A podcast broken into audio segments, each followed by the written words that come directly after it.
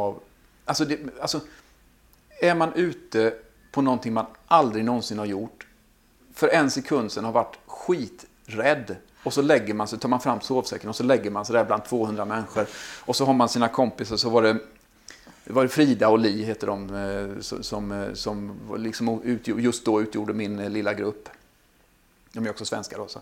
Eh, och så låg, låg, man där och så tittade man upp så här så var det stjärnhimmel så här och då, då plötsligt kändes ju allting helt fantastiskt och helt underbart. Så att det var liksom från, från, från fullständig skräck till, till livsglädje på så, på en sekund.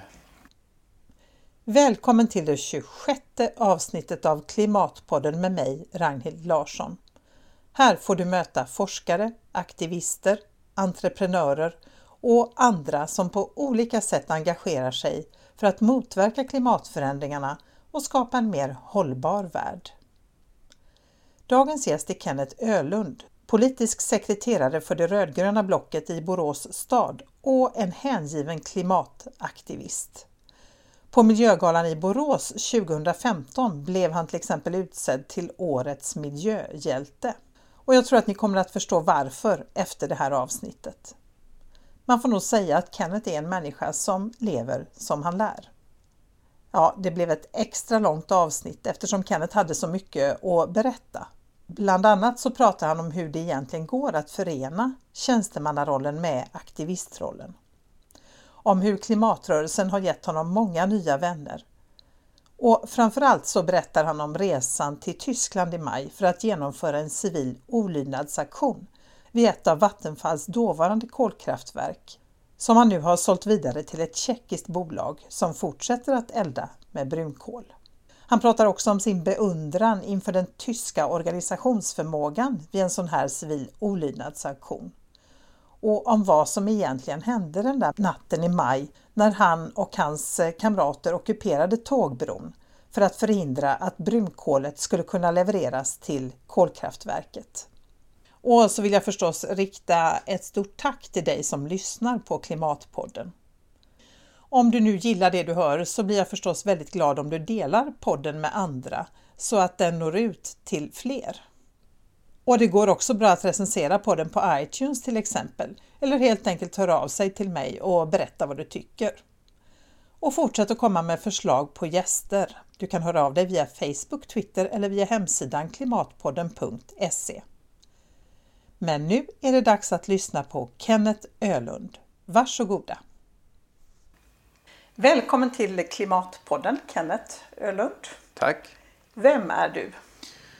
Eh, jag är en 49-årig vid det här laget, ganska så nybliven, för mina barns skull, nybliven klimataktivist. Och, hur, och vad gör du när du inte är klimataktivist? Du har ett eh, lönearbete också. Ja, eh, jag arbetar på, i Stadshuset i Borås eh, eh, som eh, hjälpreda kan man säga åt politikerna på den rödgröna sidan. Så att jag jobbar åt eh, den, den det, det, är tre partier där, Vänstern, Miljöpartiet och Socialdemokraterna som, som eh, har någon slags eh, regeringsmakt kan vi säga då, på kommunal nivå tillsammans. Och jag hjälper dem med, att, med allt som kan behövas. Hämta kaffe, skriver debattartiklar, eh, kör bilen åt dem i de fall de inte hinner själva och, och tjatar på eh, tjänstemän gör jag ibland också och frågar och undrar saker, researchar.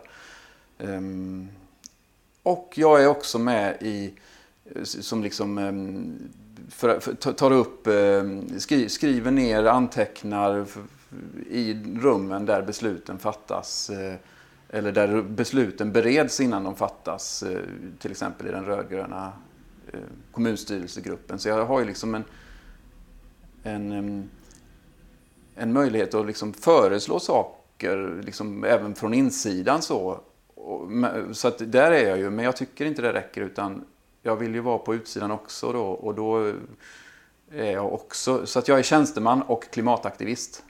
Det är din titel kan man säga. Ja. Eller dina titlar. Ja, din, det, det, det, är de yrkes, sakerna. Det, är det du ägnar dig åt. Ja. ja. det ena är arbetet och det andra är fritiden. Sen, är jag, sen har jag familj hemma och det är det viktigaste i livet. Men det är också det, det, det är liksom närmast en självklarhet. Men men liksom om vi ska snacka om det som, vi, som, som, jag, som, vi, som jag ska snacka om nu, klimathot och den sortens saker, så, så är ju familjen helt drivande i det också. För det här är ju mina barn jag tänker på och mina barnbarn kanske ännu mer. Och deras barn i sin tur. Så det är ju liksom en familjeangelägenhet också, fast in i framtiden då skulle man kunna säga. Ehm, som, som gör att jag faktiskt inte kan låta bli att hålla på med detta. Ja, det, det, känns som, en, liksom, som, en, som ett inre tvång eller en absolut nödvändighet. Sen hur mycket jag kommer att orka år från år framöver, eh, det får man väl se. Men, men, att jag skulle liksom bara lägga det åt sidan och skaffa en ny hobby, det, det, det, tror jag inte kommer att hända. Också, för det här är ju mina barn jag tänker på och mina barnbarn kanske ännu mer. Och deras barn i sin tur. Så det är ju liksom en familjeangelägenhet också, fast in i framtiden då skulle man kunna säga. Eh, som, som gör att jag faktiskt inte kan låta bli att hålla på med detta. Jag var väl på Miljöpartiet första gången eh, på 80-talet. Eh, kan ha varit 88 kanske. Ehm, så det har liksom funnits och tuggat på och legat i bakgrunden och jag har väl liksom länge insett att eh, jorden har en gräns och vi lever över den gränsen. Men för en, säg, säg innan jag började på det här jobbet som jag har nu så var jag journalist en massa år. Och på den tiden så kunde jag liksom, liksom ta en flygresa till eh, Teneriffa eller till en flygresa över ett par dagar till Barcelona och tycka att, jag inte, att det var liksom inget märkvärdigt. Så, att jag, så, så, att det som hände sen det var att jag började läsa på. På riktigt läsa på alltså om, om klimatforskningen, följa länkar bakåt på nätet, läsa böcker, liksom verkligen sätta mig in i det. Och då inser jag ju att mitt miljöengagemang förut, ja det var inte dåligt, men det var för lite. Nu, nu alltså, eh, ibland så, så säger jag så här att jag, alltså egentligen vill jag nog uttrycka så här, jag, jag kommer antagligen, fast inte säker, men jag kommer antagligen aldrig att sätta mig i ett flygplan igen. Fast kanske jag gör det ändå om det liksom skulle vara så att, att det uppstår ett bra sätt, ett riktigt bra sätt att kompensera en flygresa eller om det börjar verkligen finnas alternativa bränslen även om inte jag fattar hur i all världen de ska räcka till till den flygtrafiken som, som liksom redan är igång och sen dessutom förutspås jättelika ökningar. Eh, om, jag, om jobbet skulle säga att eh, eh, du behöver åka med på den här resan dit och den innefattar en nödvändig flygresa, ja då skulle jag väl få tänka en gång till. Eller som vi snackade om hemma igår, min, jag, min fru och jag, om min dotter skulle flytta till eh, för, för utbildning, flytta, eller träffa en man eller en kvinna eller vad hon nu, alltså liksom så, eh, och flytta, till, flytta över Atlanten skulle jag då säga att skulle jag, jag kan liksom inte nu sitta och lova att jag aldrig kommer att, vilja, att, jag aldrig kommer att åka och träffa henne. Men eh, som det, som det just nu ser ut nu så, så kan jag inte med gott samvete stiga in i ett flygplan. Jag, eh, det, det, liksom, det, det, funkar, för jag vet vad det gör för skada. Och, och den, den här insikten, den, är ju, den, den kom alltså, den, den började smyga sig på när jag skaffade ett nytt jobb 2013. Eh, den smög sig på mig och framåt sommaren 2013 så låg jag och läste en bok som heter Att svära i kyrkan, en antologi. Och någonstans mitt i den antologin, då var det också en sån här varm dag. Jag var i Italien, i, vad heter den här stan utanför eh, Milano, Bergamo, Bergamo kanske. Ja, eh, I ett rum där och så, och så låg jag och läste och det var lite mörkt på kvällen och tropisk värme, 45, jag tror det var 45 grader varmt. Och sen plötsligt så, så var det som att det sa klick i huvudet, nästan som en sån här Lidnersk knäpp från en sekund till en annan. Så tänkte jag att men, det här går inte. Vi kan inte ha det så här. Nej. Jag måste göra någonting. Eh, och exakt vad det var som gjorde att kunskapen nådde känslolivet, det vet inte jag. Men någonting var det som gjorde att det som jag redan visste satte sig i själen. Och när det hade gjort det, då var det ju kört. Ja, då går det inte att backa, nej. Nej, det gör det inte. Eh, och jag vet inte, eh, man, man kan säga så här. Alltså, jag, ibland kan jag ju önska att jag kunde slippa veta det jag vet. Det skulle vara otroligt bekvämt att liksom vara så här. Nej men alltså, det, det är, ja, jag försöker väl att cykla ibland och så. Men, jag försöker lite grann sådär och så källsorterar är väl bra men annars kan man väl leva på som vanligt och vore det så himla farligt som de säger så skulle väl bensin redan vara förbjudet men är det ju inte så då kan jag väl och vore det så himla farligt med det här flyget ja men då skulle väl politikerna ha förbjudit det så att jag kan väl bara leva på. Tänk om jag fick göra det men nu kan jag ju inte det. Nej. Men å andra sidan, det har ju kommit goda grejer av detta också. För jag har ju fått, eh, går man med i en, går man, ger man sig liksom in i, alltså, ibland säger folk så här. Ja, men livet är liksom det att ha goda vänner och träffa nya människor och lära sig nya saker och eh, liksom få göra mening, ha ett meningsfullt, det är liksom de sakerna som är viktiga i livet. Familjen, vännerna, nya lär, lärdomar. Och så gav jag mig rakt in i miljö och klimatrörelsen. Ja, men då fick jag ju alla de ja. grejerna. Ja. Jag har ju träffat massor med nya människor som jag aldrig hade träffat annars, som kan en massa saker som inte jag kunde och jag kan saker som inte de kan. Och så lär vi varandra och så hittar vi på saker och så aktiverar vi oss och så åker man och sover på ett järnvägsspår. Ja, just det. Det ska vi återkomma till också. Vad, vad, är, vad, ska jag säga, vad hoppas du uppnå då med ditt engagemang? Spridningseffekt. Man kan säga så här. Jag är i någon slags trevägsskäl just nu. Vi pratar om vad jag har för jobb och vi pratar om vad jag har för eh, fritidssysselsättning. Och då är frågan så här. Jag vet inte vad jag ska ta vägen riktigt just nu. Jag är liksom någon slags sån här, knappt 50. Är det då man ska få en eh, sån här 50-årskris?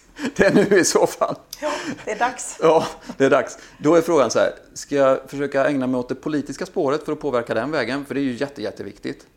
Och det, det, ska inte bara vara miljöpartister, de är viktiga som en spjutspets. En del vänsterpartister är viktiga som en spjutspets. Några centerpartister är jätteviktiga. Det finns kristdemokrater som är jätteviktiga. Eh, det finns en och annan moderat som också är en spjutspets in i, i, i ett klimatmedvetande. Alltså de, det finns liksom öar i de flesta partierna. Den ön är nog större i vissa partier, tveklöst. Men, det är, men de här öarna måste ju växa i alla partierna. Så att alla partierna har en gemensam plattform. Det är alldeles, alldeles nödvändigt. för att annars kommer det bara fortsätta vara så här att när Centern sitter och kallar sig Alliansens gröna röst så kommer de, och, så kommer de att få sitta i knät på Moderaterna och eh, lägga sig i massa frågor. Och nu är det Miljöpartiet som sitter i nästan precis samma position som sitter hos eh, Socialdemokraterna och får eh, igenom saker, absolut. Men som också får vika sig i viktiga frågor därför att de är det lilla partiet. Mm. Ehm, alltså jag för, nu jag kampanjade en del mot Centern före valet 14. För jag tyckte de hade spelat bort sin eh, Alliansens gröna röst. Men nu när jag eh, står nära ett parti som har samma roll ungefär så förstår jag mycket bättre att Centern, alltså de kanske inte alls ville vika ner sig. De fick bara göra det. Mm. Därför att det är så det går till när man är det lilla partiet och måste kompromissa sig fram. Politiken är en möjlig väg. Eh, aktivismen är en annan eh, möjlig väg. Eh, och den tredje möjliga vägen det är att jag liksom bestämmer mig för att jag ska ägna mig åt väldigt lokalt arbete i, där jag bor, i Borås. Att jag liksom ska hålla på där, försöka starta cykelpooler, försöka eh, dela ut lappar på gatan, eh, ordna föreläsningar. Just nu håller jag på lite i alla de här tre facken och jag tror inte riktigt att jag kanske orkar det på sikt. Och, jag kanske måste, och, och tjänstemannarollen och aktivistrollen är ju inte helt kompatibla Nej. med varandra. Eller politiker, om jag, skulle, om jag skulle ta en politikerroll och en aktivistroll är inte heller alldeles kompatibla. För de, alltså, det krockar lite där. Mm. Så. Vilket ju också har märkts i, i mitt eh, liv. Precis. För du valde ju att åka ner till Tyskland då. Du deltog i en aktion där i somras mot Vattenfalls brunkolsutvinning då i ett koldistrikt, Lausitz tror jag det heter, mm. Eh, som ligger söder om Berlin då i Tyskland. Eh, och ja, jag såg det bland annat på, på Facebook var det nog ni la ut filmer där när du åkte ner med de här lite yngre människorna då i, i en bil och sådär. Eh, var, varför valde du att delta i den här aktionen? Um, det är en historia som sträcker sig ett drygt år tillbaka i tiden. Uh, förra sommaren var vi, uh, jag och familjen, passerade uh, i Tyskland och sen bort mot Köln. Och så passerade vi ett ehm, um, någon sån här byggnad med rök. Det liksom ångade och det var jättestort. Och så började vi googla och kolla vad är det där för någonting, vad det kan vara. Då, då var det ett kolkraftverk, inte ett Vattenfall-ägt kolkraftverk, utan ett, kol, ett, ett brunkolsverk. Och eh, bakom det brunkolsverket eh, så ligger då eh, dag, för det, det är allt, brunkol är ett, så, ett uselt bränsle. Eh, dåligt energiinnehåll. Eh, och eh, måste man transportera det långt så blir det olönsamt. Så därför ligger brott och eh, kraftverk, eh, kolbrott. Och, då började jag liksom titta på de här kolbrotten som är kvadratkilometer efter kvadratkilometer efter kvadratkilometer som har rivit byar, man har flyttat byar, evakuerat tusentals människor. Ehm, alltså, liksom, jag hittade bilder på ödebyar med kyrktorn som stod och de liksom var över, folk hade flyttat ut och så skulle det rivas och jämnas med marken och sen skulle man plöja upp ytan, ta sig ner till brunkolet en bit ner och sen bara slita upp detta ur jordens hjärta uh, och så elda upp det. Och det, detta, alltså bara detta ingrepp i naturen kände jag det. Alltså, bara det är oacceptabelt. Mm. Och sen kommer koldioxiden till det. Mm. Som då spär på växthuseffekten och får eh, värmen på jorden att öka. Eh, och så får eh, vi elektricitet och så betalar vi inte så mycket för den.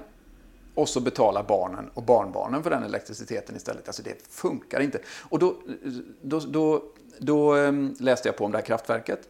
Och sen hittade jag också nästan precis bara veckan efter att vi hade kommit hem så, så, så var ehm, Ende Gelände heter det. Alltså Ende Gelände betyder eh, stopp och belägg, här, nu är det nog, här är gränsen, den går vi inte över.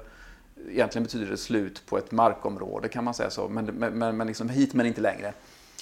Eh, så att förra året eh, då i augusti så var Ende Gelände kring det här området som vi precis hade åkt förbi. Eh, 1000-1500 kanske människor som eh, samlades, eh, lärde sig saker om klimatkamp och sen eh, eh, under en kort period så ockuperade de den här, gick in i, i det här dagbrottet och ockuperade det. Och då, redan då tänkte jag det här, dyker det upp en möjlighet till att göra detta så ska jag åtminstone på riktigt allvar överväga att åka med själv. Därför att det är ju någonting otroligt konkret att göra. Eh, det här med att liksom skriva statusar på Facebook eller prata med kompisar eller dela ut broschyrer. Det är liksom, I konkretion så, så är det ju liksom ingenting jämfört med, att, eh, med liksom symbolvärdet i att nu är jag en av tusen som går in i en gruva.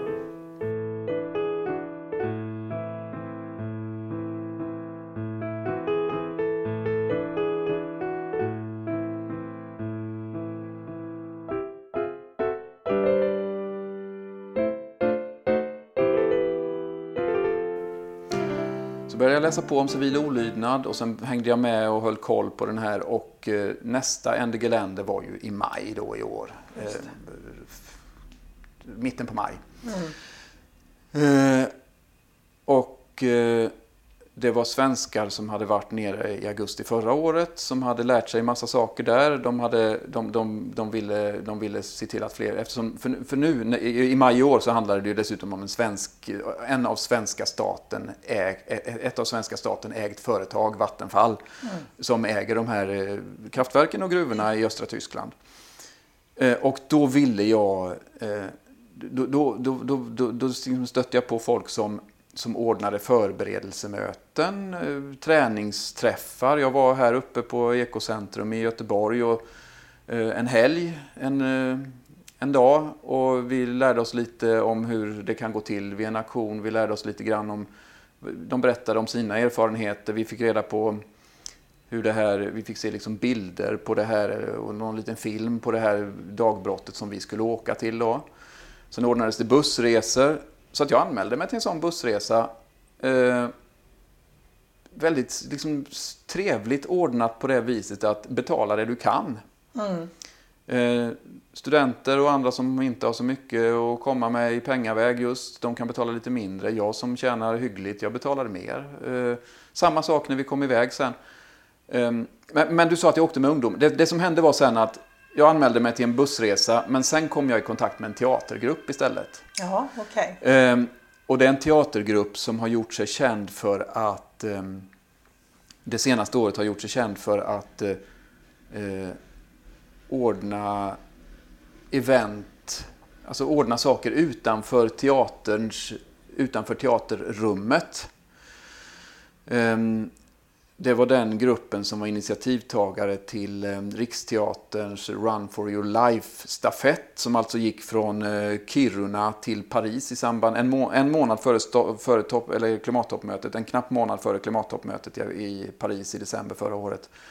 Så startade en eh, tusenpersons stafett från Kiruna Sen filmades den och streamades eh, så gott. Ibland blir det ju lite sändningsavbrott och teknikstrul. Men den filmades hela vägen från Kiruna till Paris. Och jag var med och ordnade den eh, här lilla sträckan genom Borås kommun. Var jag med. Jag körde den här film, filmbilen en liten bit på vägen och filmade på mina, några av mina kompisar som, eh, som sprang genom Borås kommun också. Då, för vi tog, tog på oss, eh, jag och ett litet gäng där och liksom bemannade den här sträckan under ledning av eh, eh, regionteatern Väst och Stadsteatern var jätte, i Borås var också jättebra med och behjälplig och liksom fixade en fantastisk eh, show utanför. När stafetten kom så förbi Stadsteatern i Borås så var det liksom eld och dans och liv och rörelse och mm, publik och lite någon journalist och sådär. Men då träffade jag på den här teatergruppen i alla fall. Och Sen la de ut, jag tror att de liksom la ut en ganska öppen efterlysning. Vi, ska, vi tänker åka i minibuss till Lausitz i Tyskland. Eh, vi tänker delta i klimatlägret som är där, klimatkampen. Vi tänker vara med på, eh, i den här civila olydnadsaktionen. Vi tänker gå med in i, på, i, i gruvan eller liksom delta i det som ordnas där.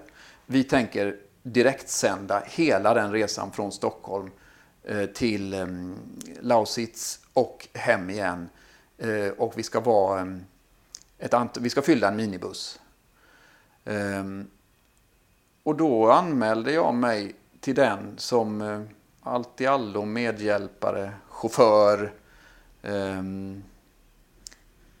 Och det var vad jag gjorde sen också. Ja. Eh, man, man, fick liksom, man, man blev...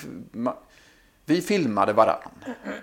Um, vi uh, hjälptes åt att köra, turades om att köra bussen. Um, jag hjälpte till att fixa saker. Rätt som det var så var det, behövde det fixas nya simkort för det här sändes via mobilnätet. Och så, behövde, så då åkte jag, jag en kille till Eh, Jonathan, hej Jonathan eh, förresten. eh, men alltså det, jag blir nästan så här lite rörd när jag tänker på det. För att eh, det, det, liksom, det, det, det, det, det blir ju vän, det, det, vilka vänner jag fick alltså. Mm. Um, Frida, Li, um, Isabelle, uh, Ahmed, uh, um, Ja, alltså jag, jag, snutet ur näven och ur huvudet så här precis nu i all hast så glömmer jag några stycken. Lisa, förlåt, alltså jag, jag vill inte glömma någon egentligen. Nej, men, men jag hade, alltså, alltså, jag hade verkligen en helt, några helt fantastiska dagar. Um, där jag lärde mig om aktivism, om hur man kan göra, om hur fantastiskt välorganiserad tysk aktivism kan vara. Är den ehm, bättre än svensk? Jag har inte så, Eller stor, mer. jag har inte så stor erfarenhet av svensk aktivism egentligen. Men, det här, men, men, men alla jag pratade med efteråt som var med där och som kanske har lite grann varit med längre i Sverige säger att det här var, det här var, liksom, det här var, det här var på en nivå som man inte har varit med om innan. Alltså, otroligt lärorikt. Eh, svenska aktivister borde verkligen skaffa sig det kanske finns i andra delar av världen också, vad vet jag, England, eh, eh, Frankrike så. Men, men det, Tyskland ligger så nära. Mm. Eh, man, man, man, skulle verkligen ha kontakter där och lära sig. Jag ska strax, jag ska hemskt gärna berätta ja, det också lite ja, grann. Ja. vad, vad det är som är, liksom är imponerande. Precis. Um, men dina lärdomar var du inne på. Ja. Um, alltså det som, det som det som hände, jag, jag, jag, får nästan berätta lite mer om själva resan. Jag steg på, buss, jag steg på minibussen i Jönköping. Mm. Um, för jag kom, tog mig lätt dit från, de skulle passera på vägen från Stockholm. Sen körde vi i stort sett i ett streck eh, ner till, um, alltså man passerar Berlin och så söderut så kommer man till en stad som heter Cottbus. Eh, och sen eh, ytterligare en liten bit söderut till, inte så att man är framme i Dresden, men eh, lite grann neråt det hållet där. Väldigt nära eh, gränsen till Polen. Mm. och det här är ju då ett brunkolsdistrikt där väldigt, väldigt många arbetar i brunkolsgruvorna. Eh, många har jobbat länge i brunkolsgruvorna. Det är i övrigt eh, en svår arbetsmarknad. Eh, gruvan, kraftverket är liksom en Alltså det här måste man ju ha med sig också. Vi, träffade ju, vi, vi, träffade, vi, vi har ju fiender där som är fiender av oss, eh, till, fiender till, eh, till oss av rädsla för sin egen försörjning och sin egen framtid. Eh, alltså, och, eller, alltså, vi stötte på en, en man som nu var pensionär och som hade jobbat, eh, vad sa han, sa han att han hade jobbat 30 år i gruvan. Han var ju jättestolt över det. Det är klart att kommer det folk från, från, från stora delar av Tyskland och, från en stor del, och dessutom från Sverige och från en stor del av Europa och kommer dit och säger att Nej, men det här kan inte ni hålla på med längre. Det är klart att en del av dem kommer att tycka att eh, vi är hopplösa inkräktare som bara skulle åka hem, vilket också en del sa till oss. Sen finns det ju den andra, den andra sidan. Mm. Hade jag kunnat, jag önskar att jag kunde bättre tyska. Jag försöker lära mig bättre tyska. För jag skulle vilja få kon på de här motsättningarna. För samtidigt finns det ju de som som, som verkligen lokalbefolkning som, som lika intensivt kämpar mot gruvbrytningen. För de vill inte ha sina hem flyttade, förstörda, upprivna, rötter, eh, byar eh, evakuerade, rivna och eh, utslitna, bortslitna, uppdragna ur marken för alltid. Ja. Så att där bor ju de som, som lever av och vill ha kvar sin gruva och de som för allt i världen inte vill att detta ska få finnas längre. Eh, för att det tar sönder deras, eh, ja, där, där de har vuxit upp och där de har, den naturen de har bott i.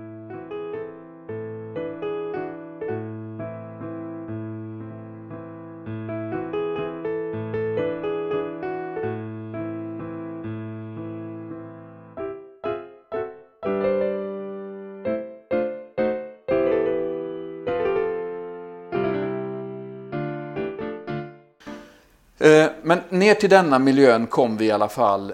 Eh, och eh, jag skulle fråga om vägen till det här lägret. Vi hittade inte sista biten. Och så gick jag in eh, på stapplig tyska och frågade en eh, man och eh, en kvinna som stod utanför ett hus där. De var vid kanske pensionsåldern.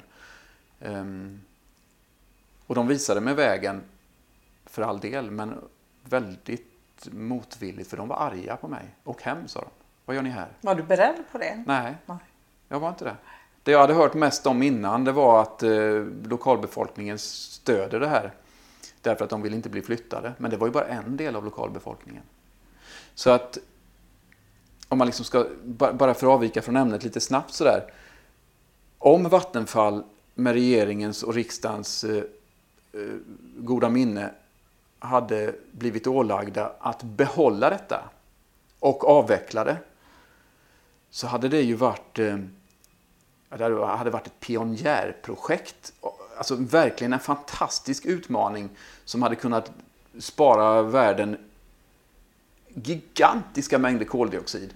Men det hade också samtidigt varit en jättesvår utmaning, en extremt svår utmaning. Det är kanske 6, 7, 8 tusen arbetstillfällen som måste ställas om från kolbrytning och kolproduktion i kraftverken till något annat framtidsinriktat, långsiktigt hållbart. Det här måste ju den här regionen av tyska delstatsmyndigheter och tyska regeringen och om det hade blivit så eh, med Vattenfalls och den svenska regeringens hjälp. Det här hade ju behövts ett stödpaket som alltså Sverige hade varvskris och tekokris en gång i tiden.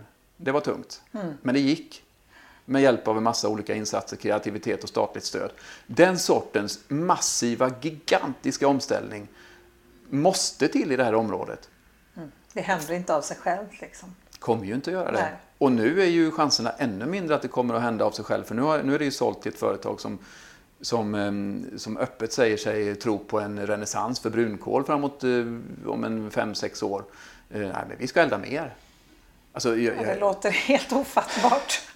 Ja, det är, det är otroligt ledsamt. Vilket ju också betyder att, eller ledsamt, det är katastrofalt. Mm. Man får, ska inte underdriva. Um, samtidigt som Tyskland måste ju ha ström. Mm. Spara ström och producera den, ström, den, den, mindre mängden energi som man förhoppningsvis kan göra åt på något annat sätt. Jättesvårt. Alltså, jättesvårt. Vilken utmaning. Mm. Alltså för forskningssamhället, för politiken, för alla som ehm, vill någonting, för entreprenörer. Vilken jättestor utmaning. Ja, men ge er på den då, det här är ju spännande. Mm. Det kanske inte alls går, men vi måste, ju, vi måste ju förutsätta att det går, för det brukar gå. Och så kör vi på och så försöker vi få det att gå. Mm. Eh, nu går vi tillbaka. Ja, nu är vi tillbaka i, strax utanför där. Eh, nu, nu, nu, nu kommer mini, en gammal, rätt gammal skruttig minibuss med just i det läget eh, åtta något yngre eh, svenskar än jag. Äh, de var väl mellan 20 och 30 och jag är 50 snart.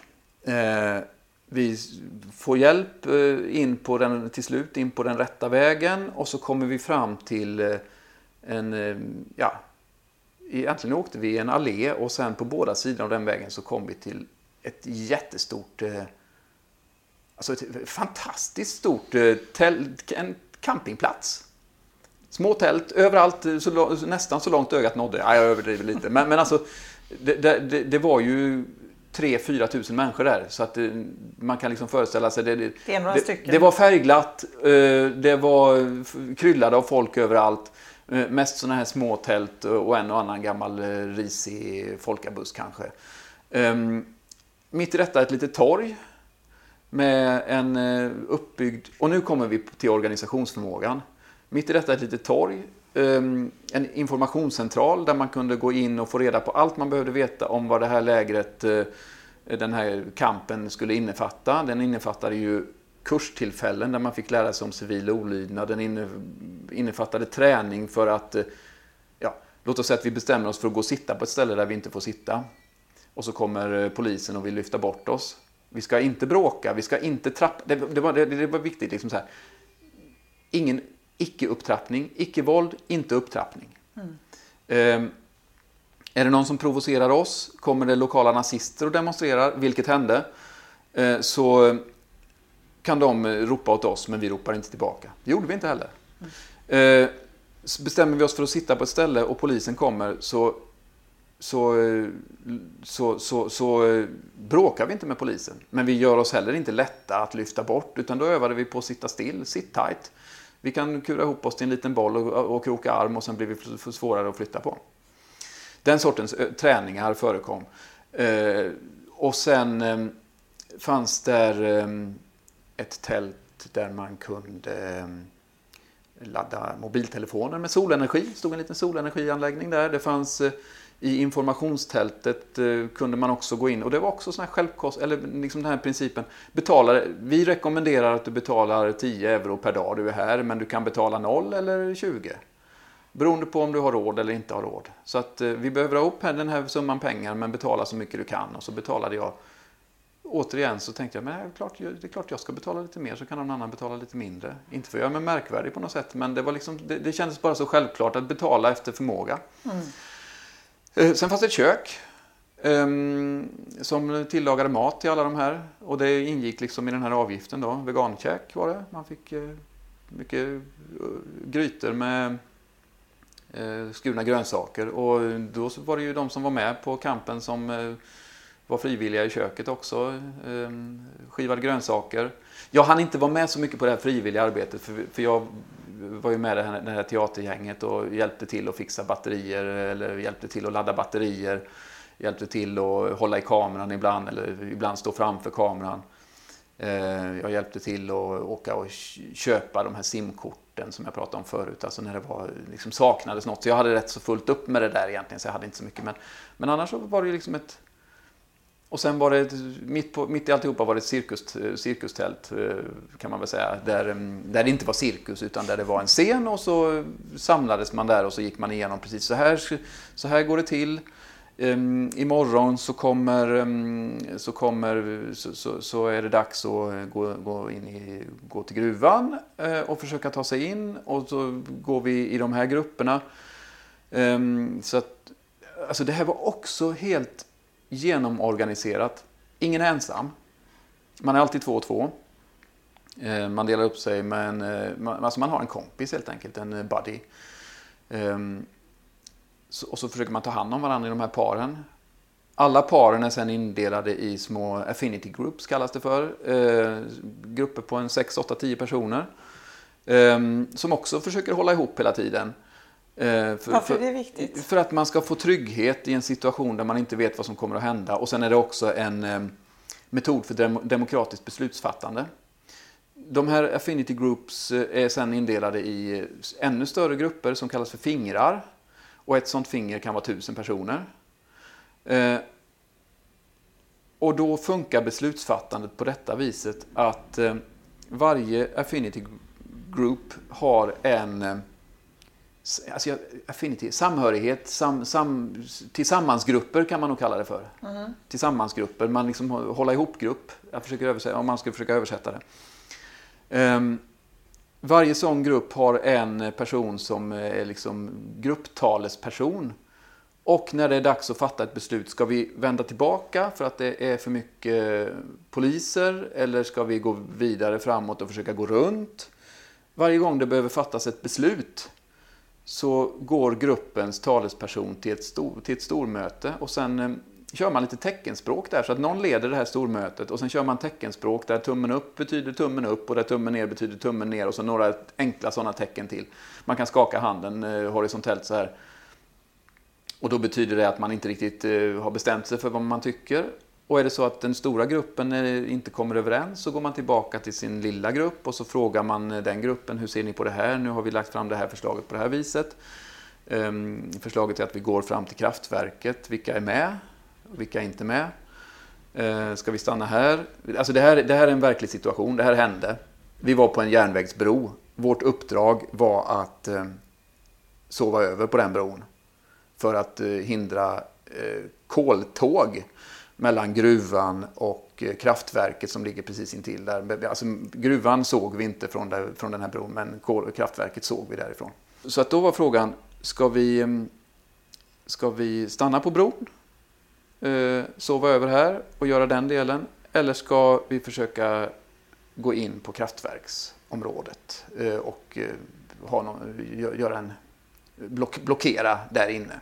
Är det främmande personer inne och, blockerar, alltså är inne på området, då får kraftverket inte eh, då, då, måste man liksom, då, då får man, då, då, får man stoppa det. Mm. Sen vet jag inte säkert om det verkligen var så, men, men det, det, jag vet är att eh, de här broarna blockerades ju då i ehm, eh, vad det nu ska vi se. Ja, det var en 48 timmars blockad totalt sett, men de här broarna blockerade vi eh, i ett dygn. Och under den tiden så, så, så räckte ju inte kolet så att de kunde köra på full kraft, utan de fick liksom gå ner till, jag tror att de var ner, det sades i alla fall. Eh, och ehm, det kan nog stämma. Eh, för att jag tror att det stod, om jag inte minns fel så stod det nog i de tyska tidningarna också, att det här kraftverket drog ju ner då eh, produktionen till om det var 25 procent eller någonting sånt. Mm. Mot full, jämfört med full, full mm. drift. Um, nej men alltså det, det, var så det gick till. Vi, vi, vi, vi, fick en, vi fick en samlingstid klockan åtta vill jag minnas på morgonen. Um, och sen fick vi, fick vi veta att vi skulle gå ett par timmar tillsammans på en lång kö. Uh, och att vi, om vi var, jag minns inte om vi var orange eller grönt finger, men vi hade en färg i alla fall. Eh, och så gick det här fingret då, den här stora alltså, ni var klädda i en färg? Eller Nej, hur? utan det var, det, det var, var bara liksom benämningen? Ja, det var en liksom. benämning. Mm. Så gick vi, till, gick vi fram till järnvägen och så gick vi på järnvägen och så kom vi fram till den här bron. Um, och det som sen... Det, jag blev... Jag, jag gick inte in jag var framme vid kraftverket men jag gick inte in på området utan jag gick till bron och sen var, bodde jag och mina kompisar och ungefär 200-250 andra på den bron över natten. Uh, och, så att vi var där från början till slut ett drygt dygn på den här järnvägsbron. Eh, och Hur kändes det?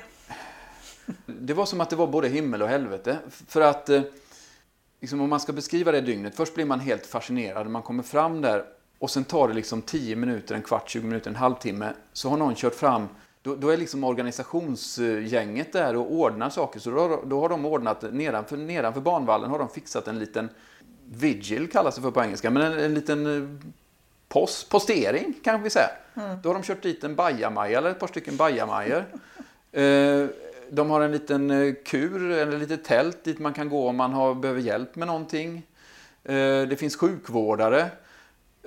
Och rätt som det så kommer det en laddning med mat ditkört i kantiner och tallrikar och allt man kan behöva. Så kommer de, kommer de, men jag vet, det, det, det är helt sanslöst. Ehm, då kommer de bärande upp med detta på järnvägen och så, säger de, eh, och så ställer de upp bord och så ordnar de så här, nu är det mat, nu kan ni komma, är det någon som vill hjälpa till och ordna med och spisa med utspisningen här och sen så ställer man upp sådär där så, och så får man käk. Sen eh, kom det en eh, man som hette Ich bin der Friedrich, sa han. Jag heter Fredrik och jag är materialförvaltare, eller vad han nu sa. Och då hade, ja men jag ordnade så att, då, hade han, då kom han så här, ja men nu har vi ordnat brädor och sen har vi presenningar och så kan ni försöka bygga liksom gömslen eller skyl, skyl, liksom vindskydd, regnskydd av det. Och så, bygg, och så satte vi igång och bygga, så byggde vi vindskydd. Så den sortens organisering kring, alltså det, det, det slog mig verkligen med häpnad. Sen var vi där och sen hade vi det liksom trivsamt, det var fint väder. och Ehm, och så började det bli mörkt och så... Jo, det var en motdemonstration mot den här, och det, mot den här, ehm, mot oss alltså. Och vem stod bakom den då? Ja, jag är lite oklar på det, men så vitt jag begriper så var det sådana, alltså de, de som vill ha kvar kolgruvan därför att de lever av den. Plus troligen lokala nazister som utnyttjar tillfället för att eh, sprida sin egen dynga. Vi står på eran sida, typ så här till lokalbefolkningen. Kolla här, vi är detta och detta partiet. Eh, alltså verkligen så. Så de gick under bron och då, då hade vi liksom de, de, de, som, de som skötte bron kan man säga, de som hade lite extra ansvar för den här bron från organisationen, från, från, från, ehm, från, eh, från Ende Geländes sida då, då liksom ropar de i megafonen gå tillbaka, stå inte ute, vi, trappa inte, vi ska inte trappa upp situationen. De ropar, de skriker åt oss, de bär sig åt, de kastar knallskott. Det är ett väsen, obe, otroligt obehaglig stämning. Eh, gå undan, vi trappar inte upp det. De, de, de, som jobbar i gruvan är inte våra fiender. Eh, det är de som driver gruvan och samhället som ser till att drivan måste, gruvan måste drivas. Det, de här liksom, gå undan, eh, ingen upptrappning. Och då gjorde vi ju det. Vi stod inte vid räcket, utan vi stod en bil, ställde oss inne i mitten på bron, en ganska bred bro, tvåspår, tvåspårig bro. Och så gick demonstrationen förbi, men sen var det ju folk kvar där. Och då var, då var det ju nassarna. Så att när det blir mörkt fram på kanske tio tiden på kvällen så liksom gick det någon slags sån här från mun till mun. Och de kommer, de, de kommer springande. Då kom det folk upp, springande upp på järnvägsbanken, uppifrån skogen. Och då, då blev jag ju rädd. Alltså, det var ju riktigt, riktigt otäckt. Och då var det också de här bro, de som var ansvariga för bron som organiserade upp det här. Gå fram i en kedja, ställ er i vägen i varje ände på bron. Stå där och bråka inte utan bara stå i vägen. Och då kände jag så här, det, och det här skedde på tyska då eftersom det var väldigt bråttom. Och jag förstod väl det här nätt och jämnt. Då kände jag så här, jag förstår inte riktigt vad de säger. Jag förstår inte vad som händer. Jag är skiträdd. Jag tycker det är otäckt. Ja.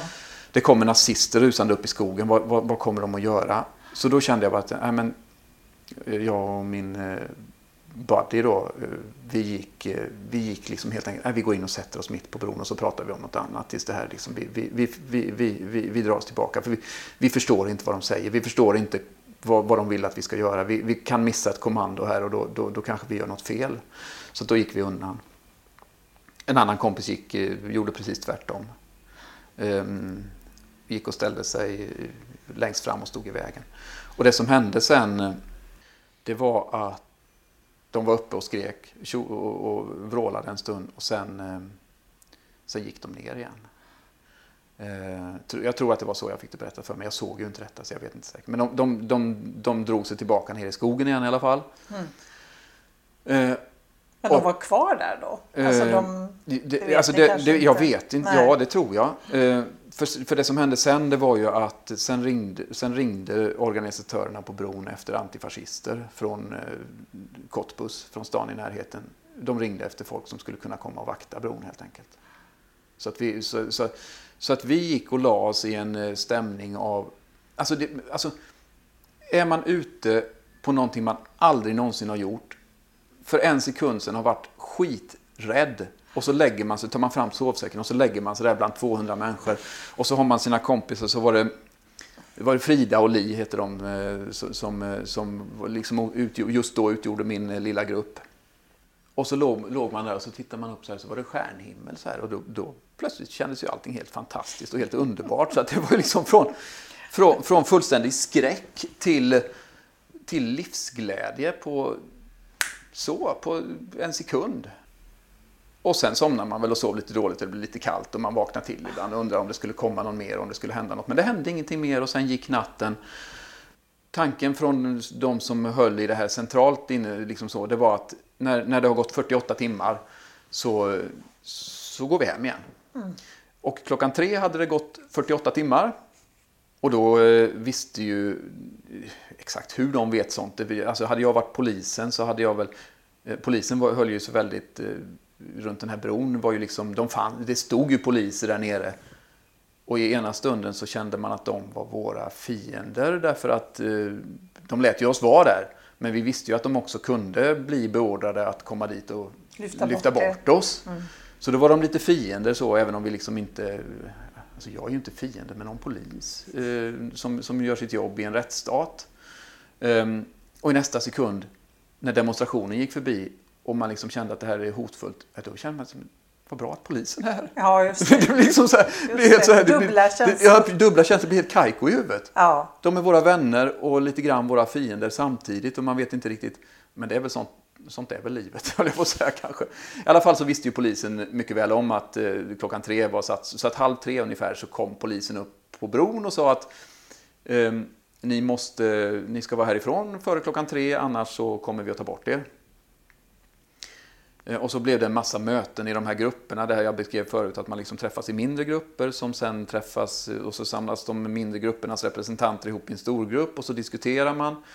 Eh, och då kom vi till slut fram till att ett eh, gäng ville stanna på bron och bli bortlyfta. Ett annat gäng ville eh, gå ifrån bron när vi hade tänkt att gå ifrån bron. Alltså ett, man liksom känner så här, ja men ska vi gå härifrån bara för att polisen kommer? Tänkte vi i min lilla grupp. Det känns ju lite fånigt. Nu när polisen kommer då kanske vi skulle bli obstinata och så stanna kvar bara för det. Men sen sa vi så här, ja men vi hade ju sagt att vi skulle gå klockan tre. Mm. Ja men då gör vi väl det. Och så gjorde vi det. ni höll fast vid er Ja, plan där. Ja, Mm. och det betydde också att, och då, sa, och då hade ju polisen också sagt så här att går ni härifrån, före, går ni härifrån vid tre, ja, det var några turer till mitt i allt detta. Det, liksom, det var förhandlingar och, och vi fick lite förlängd frist och lite grann sånt där. Och det förlängdes med, för, för rådrum. Men, men i, liksom sammanfattningsvis så var det i alla fall så att eh, polisen sa att går ni härifrån eh, vid den tiden vi har sagt och vid den tiden vi hade tänkt att gå så har ni heller inga efterräkningar att vänta. Så gick vi ner och så blev vi upphämtade av eh, våran eh, minibuss och så åkte vi hem till eh, våran lilla grupp med tält i den här kampen. Ehm, och eh, eh, man var ju helt så här, alltså det, det, är ju så mycket, man, känner ju så mycket konstiga saker. Alltså det är liksom både eh, någon slags upprymdhet över att det gick och eh, någon slags eh, eh, glädje över att vi ändå har gjort någonting och att vi liksom försöker och att man liksom inte är den här som sitter hemma i soffan och säger att det är det här med klimatet alltså. Det, utan vi liksom, Ni gjorde något konkret, ja. ja. Och samtidigt så tänker man så här, men nu ska, jag snart, nu ska vi åka hem och sen ska jag skiljas från de här och sen kanske vi inte ses på jättelänge. Så blir man liksom så här. Eh, liksom börjar snyfta också så där. Man blir, börjar gråta och blir liksom helt så här uppriven. Samt, samtidigt så det är liksom en... Ja, som jag sa för länge sedan vid det här laget. Så är det ju liksom det, här, det här som folk säger att ja, men det, det, det fina i livet det är att träffa nya människor och lära sig nya saker och göra saker som känns meningsfulla. Och, Ja, men visst. Absolut. Ja, men gå med i klimatrörelsen då och åk på, en, på ett kamp i Tyskland. Man måste inte alls vara med på att göra något olagligt, för det fanns lagliga demonstrationer där också. Man måste inte civil olyda. Ehm, det finns, liksom de här möjligheterna, det, det, här var inte sista möjligheten. Det kommer att hända något nästa år också. Man kan gå i den lagliga demonstrationen. Ehm, om ett par veckor så träffas Ende Gelände-folket i Berlin eh, under några dagar.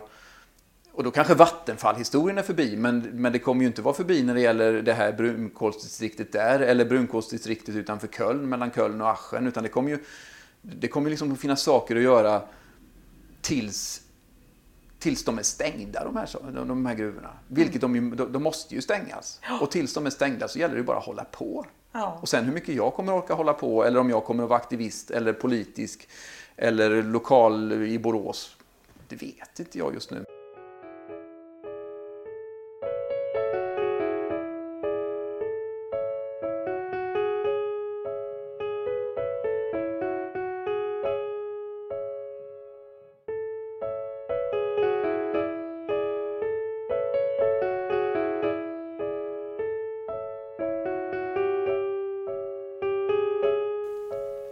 Del av gruppen hade ju bestämt sig för att gå med eh, in, i, in på kraftverksområdet. Mm.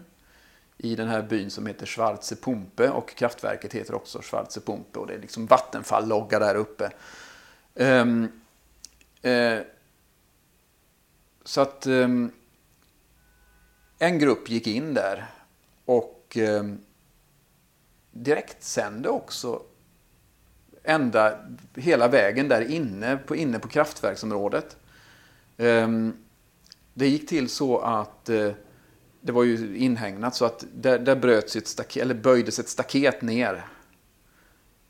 Det var väl i stort sett den, om man nu ens ska kalla det förstörelse, men det var väl liksom det jag såg av liksom materiellt. Eh, det, det var att staketet böjdes ner och sen gick de och sprang över in där en ganska stor grupp.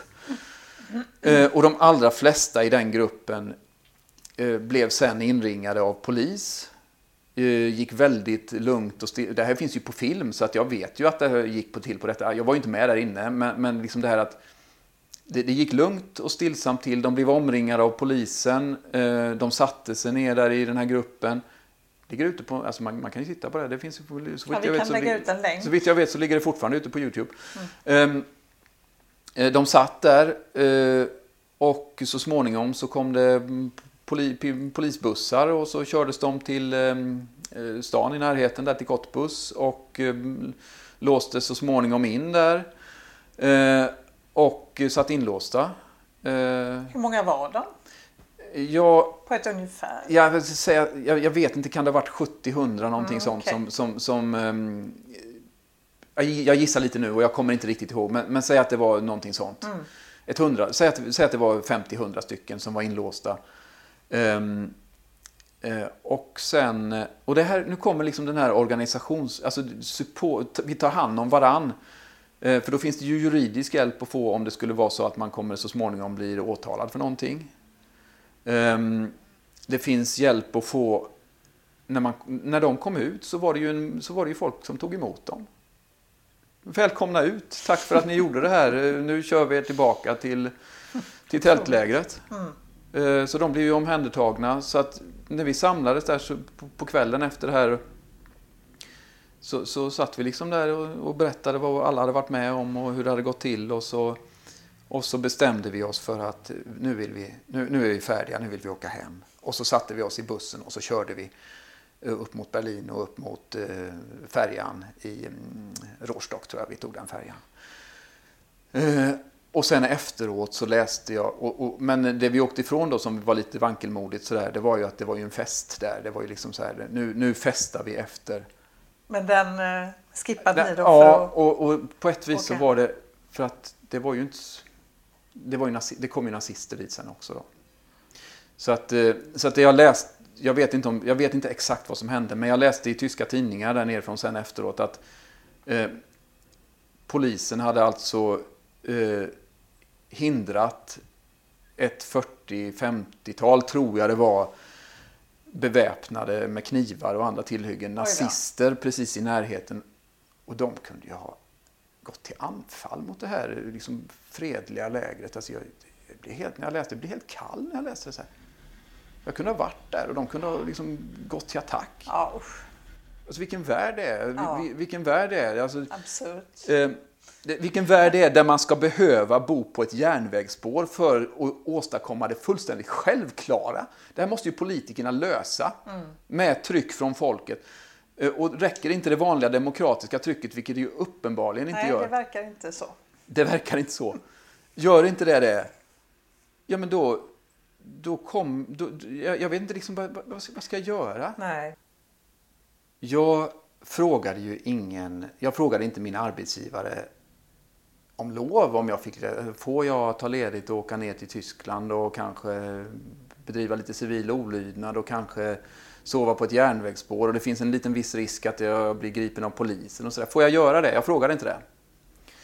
Utan jag, jag, var, jag, jag undanhöll heller ingenting liksom sådär, utan jag sa ju att jag ska jag sa ju vad jag ska göra, men jag liksom frågade inte så här, får jag? Utan jag sa att Nej, men nu, ska jag, nu ska jag semester ett par dagar och jag ska ner till Tyskland på en, eh, på en eh, aktion där. Och så, liksom så. så att en del, och det här sa jag till några lite här, jag vet inte precis vilka jag berättade det för, men jag, liksom, jag pratade om det inför där, att det där ska jag iväg på. Eh, och sen när jag kom hem då så mm, Ja, och, och eftersom jag också, jag, jag var med i lokalradion, eh, eh, Sveriges Radio i Borås, eh, P4 Sjuhärad och jag var med i, lite i tidningen både under, före och efter och lite sådär. Och, ehm, jag sa ju också att detta är, jag gör det som privatperson och jag, det är inte en del av mitt arbete. Jag har tagit semester, jag kommer liksom inte att, det, det, jag reser inte på några skattebetalares bekostnad så. Ehm, Eh, Eh, och jag försökte liksom så gott det gick att skilja det från jobbet. Eh, men sen var det en lokal moderat som eh, ställde en fråga, en sån här liksom formaliserad nedskriven fråga i kommunfullmäktige om min resa då med den liksom premissen att man, han, han ville att min, min, min, en av mina chefer då, kommun, kommunstyrelsens ordförande, skulle svara på eh, liksom, ja, egentligen ville han väl att han skulle ta avstånd från det här på något vis eller liksom ta avstånd från mig eller liksom ha fram att jag kanske borde få någon yrkesmässig reprimand av något slag eller en tillsägelse eller vad det nu finns för något liksom, sådär instrument. Så att den frågan kom, kom ju då upp, ställdes i fullmäktige, i kommunfullmäktige och min chef var uppe och svarade och han svarade, alltså jag, på min sida av politiken så, så tycker jag det är så självklart att det här är liksom, man måste kunna göra så här. Alltså, Miljöpartiet har alltid haft en eh, civil olydnadsvänlig inställning. Socialdemokratin och vänstern, ja, men de, har, de, de är ju framvuxna ur eh, civil olydnad. Det, det, har- det satt ju folk i fängelse för, för deras rörelser på 1800-talet. Um, Hjalmar Branting satt i fängelse. Alltså, så, så att jag tänkte så här, från min sida av politiken så kan det inte finnas några problem med detta. Eh, och jag blev också väl försvarad av eh, min, min chef då. Så att eh, det, det, var liksom ingen, det, det blev ingen reprimand. Utan han sa ju ungefär så här att ehm, Ja, och jo, han har ju varit där nere i Tyskland men vet du att han har brutit mot lagen. Han är så vitt jag vet inte gripen av polis, han är inte dömd för någonting och därmed så är han i lagens mening oskyldig. Och så sa Moderaterna eh, att ja, men så kan man väl inte se det. Han visste ju att han kunde komma och bryta mot lagen när han åkte ner dit. Och så vidare. Och så blev det en sån diskussion. Och det, en udda sak är ju att när man blir när man blir föremål för omnämnande, utan namn, men alla visste ju vem det var, men föremål för omnämnande i kommunfullmäktiges talarstol, så har jag ju som, jag är ju inte, sitter ju inte i fullmäktige, så jag har ju liksom ingen, jag får inte begära ordet och gå upp där och Nej, säga så här det. ser jag på det. Och det känns ju, alltså det känns verkligen jättemärkligt att en, polit, en vald politiker angriper en enskild, visserligen eh, lite sådär eh, anställd i stadshuset medborgare, men angriper ändå från kommunfullmäktiges talarstol en enskild medborgare. Ehm, Och det var väl också lite grann det som min chef då tyckte också att det här, liksom, det, det, det här är ju faktiskt ganska hårresande att du ställer dig och säger att en enskild medborgare i, på en plats där han inte får försvara sig har begått ett brott. Jag har mejlat lite med han som, Ulrik heter han, han som, han som ställde frågan. Mm. Jag har mejlat lite med honom fram och tillbaka och egentligen skrev jag i, något av, i ett av mejlen tack Ulrik för att du eh, gjorde så här för att det gav mig en plattform till. Jag tänkte just säga det, du fick mer uppmärksamhet på det viset ja. och, kunde berätta om varför ja. du gjorde detta. Ja, Eh, Eh, det som hände var ju att eh, Borås Tidning skrev en ledare eh, om detta och där nämndes jag vid namn. Och genom det fick jag uppmärksamhet också. Genom det så, och den, det ledde fram till att jag mejlade till ledarskribenten och så träffades vi och drack en kopp kaffe och så har vi fört ett samtal lite grann där jag har liksom kunnat tala om varför jag gjorde detta och varför jag tycker det är viktigt att ehm, varför jag tycker att civil olydnad, alltså jag tänker så här, Alltså, världen har kommit överens om att eh, försöka hålla sig väl under tvågradersmålet för global uppvärmning och sikta på en och en halv grad. Vilket många redan menar är kört. Ja, ja. men världen har ja, kommit överens om det. Absolut. Sverige har kommit överens om det. Världen och Sverige håller inte på att åstadkomma detta. Det tycker jag är ett större brott än att sova på en järnvägsövergång. Det är liksom mitt, mitt försvar. Jag sover hellre på en järnväg än, jag tar ansvar för att, äh, än att jag tar ansvar för att världen bryter mot Parisavtalet. Världen bryter mot, Sverige bryter mot Parisavtalets intentioner. Det är ett avsevärt mycket större brott än att sova på, sova på järnvägen. Eh, det är ett avsevärt mycket brott, större brott också än att till och med bli gripen och dömd för att man har kanske kedjat fast sig. Jag gjorde ju inte det. Jag sov där så jag kunde ha blivit flyttad. Mm. Men, men, låt oss säga att jag hade kedjat fast mig och blivit bortklippt och även blivit gripen och dömd för det. Mm. Det hände ju inte. Men, men om det, men det var du ju ändå beredd på, ja, eller hur? Ja, ja, men då hade det ju varit ett mindre brott ja. än att bryta mot Parisavtalet i mina ögon. Det, jag kan inte komma fram till någon annan slutsats. Men, men, men det som hände också sen, det var ju att Ja, dels var det många som jag stötte på så här, som sa att ah, vad bra gjort det där. Det var ändå bra. Det var nog bra det där. Och många som var nyfikna. Vad gjorde ni? Vad hände? Hur gick det till? Vad har du gjort? Vad har du varit? Eh, och de samtalen hade ju inte blivit av utan Ulrik. Så att på det viset säger jag så här, tack Ulrik. Men är det vägen framåt? Hjälper det med sådana här aktioner? Jag förstår att det skapar väldigt mycket, vad ska jag säga, att man blir stärkt själv och man gör det här tillsammans med andra och sådär. Men hjälper det? Det måste du kanske svara ja på, jag vet inte men... Nej, jag vet inte det.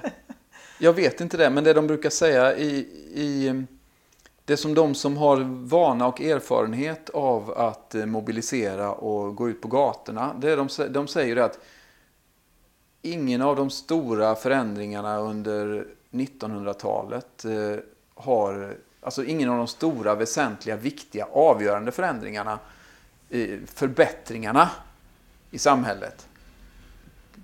Kvinnors eh, rösträtt, arbetarrörelsen eh, med sociala reformer, Martin Luther King i USA, medborgarrättsrörelsen, Sydafrika, Eh, apartheid. Ingen av de stora förändringarna har någonsin inträffat utan att det har varit folk ute på gatorna och eh, visat vad de tycker. Så att det har ju fungerat genom tiderna, men om det kommer att fungera den här gången, ja, jag vet inte. Alltså, på ett vis så är den här förändringen som vi, som vi, som vi liksom måste klara av nu så otroligt mycket mer genomgripande och så otroligt mycket svårare därför att den sipprar in i varenda enda del i vardagen. Ehm, jag satt en gång i en stor lokal och så var det någon som, från omställningsrörelsen som sa Finns det någonting här inne som inte har olja med i någonting i den här lokalen? Kan någon säga någonting här inne som inte liksom har en eh, skvätt olja med? Och då försökte jag ju säga så här, ja men um, luften kanske. Den luften vi andas, ja men vad tror du inte det, tror du inte det är ventilation här? Tror du inte att eh, den, den, den tror du inte att den ventilationen kan ha, liksom, det är ju elektricitet och det är massa rörliga delar där inne. Vad tror du de är tillverkade av? Hur gick det till när de tillverkades? Ventilationstrummorna i, i, i plåt, tror du inte att det fanns med kol där? Mm. Ja, det är klart det gjorde. Det finns, ju, det finns ju kol, olja, bensin, diesel. Det finns överallt. Och allt detta ska väck till 2050 senast. Tror du på det? Kommer det hända? Ja, nej. Eh, alltså, jag tappar hoppet eh, 20 gånger om dagen. För jag tycker inte jag ser det här hända. Och sen läser jag insändare som den jag läste idag som Ehm, där Kungliga, Automobil, Kungliga Automobilklubben hade skrivit någonting om att vi måste göra plats för bilen i städerna. Och så tänker jag, men är de, är de dumma men, i huvudet? Du skojar, det låter otroligt omodernt. Ja, men jag tänkte, det, det, det, det är ju två... Det är två Vilket århundrade lever de i? det är två strutsar som har skrivit bilen, bilen har framtiden för sig, skriver de. Ja, men nej, det hade den möjligen 1900, 1900 ja, men Jag tror ju att de skrev den 1916. Ja. Men de lever ju nu. Ja. Det, det, alltså, det, det, är ju, det, är, det är två strutsar. De har inte huvud, som någon kompis till, jag skrev att de har huvudet i sanden. Nej, de har inte huvudet i, huvudet i sanden, de har huvudet i berg. Ja. ja. Men du, jag tänker du som jobbar så nära politikerna då, alltså vad, för att jag alltså upphör aldrig att, vad ska man säga, fascineras över denna på något sätt ändå vad ska jag säga, brist på initiativ eller eh, nu, har det bör, nu på sistone har det börjat lite grann att man åtminstone pratar mer om det. Men menar, väldigt länge i senaste valrörelsen var det ju knappt uppe på agendan. Det var sådär, när det var någon partiledardebatt på tv så kom det som liksom fråga nummer eh, 7011 eh, efter att man hade pratat om hur mycket mer pengar man skulle få i plånboken om man röstade på ett visst parti. Eller, mm. Alltså väldigt saker som man kan känna de spelar ju faktiskt ingen roll. Jag menar löser vi inte det här det borde vara liksom den första frågan, den största frågan. Eh, för löser vi inte det så spelar det liksom inte det andra någon roll. Men det, varför händer så lite och varför går det så långsamt? Ja, jag får nog tänka utifrån mig själv då. Ja. 2012 så tyckte jag att jag hade koll. Jag tyckte jag var påläst någorlunda. Men jag hade inte insikten om det som du säger, den bilden du beskriver nu. Att det här, det här är liksom the akuta frågan. Det är den. Ja, det finns en del andra saker kring planetens gränser, men, men liksom i stort så är det de fossila bränslena och eh, planetens gränser att leva på 3,9 jordklot tror jag det är just nu, när man har ett som vi gör i Sverige. Då. Eh, och att årets resurser tar slut redan i augusti för, jorden, för, för, för, världen som helhet. I Sverige har vi gjort åt allting vi hade rätt att förbruka i, till första april ungefär. Och det är inget aprilskämt. Eh, alltså...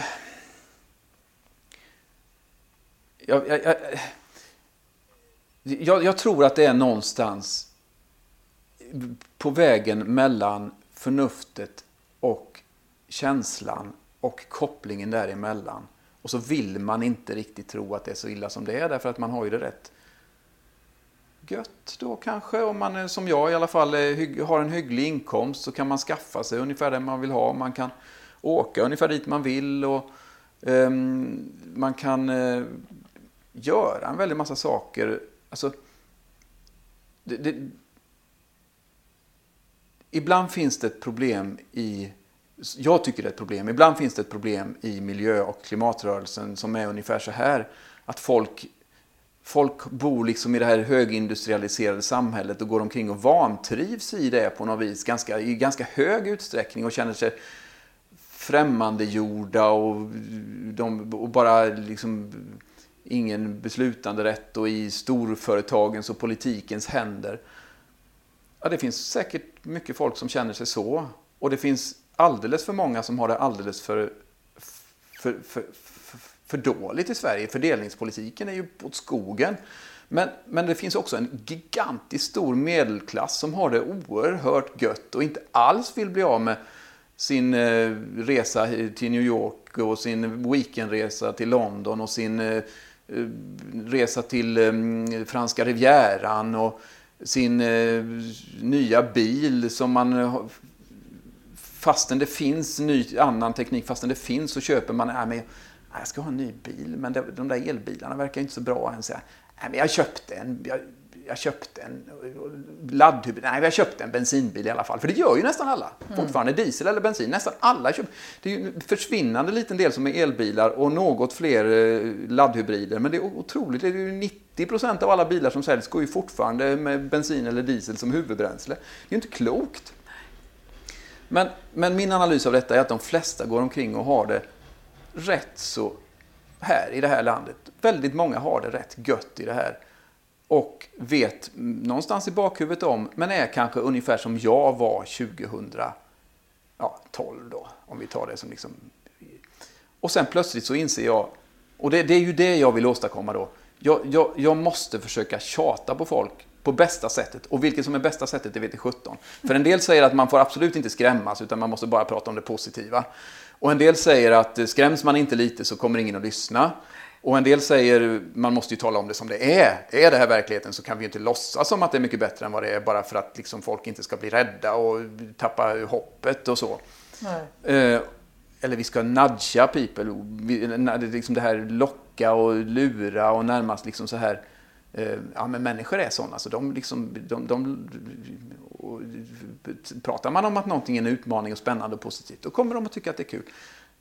Alltså jag tror inte folk någonsin kommer tycka att det är kul att, att sluta eh, åka på en weekendresa som de ville åka på. Nej. Det kommer ju, det, det kommer, det kommer inte folk att tycka. Utan de, de måste, fler måste få den här insikten som jag fick och då försöker jag få folk att få den även i politiken.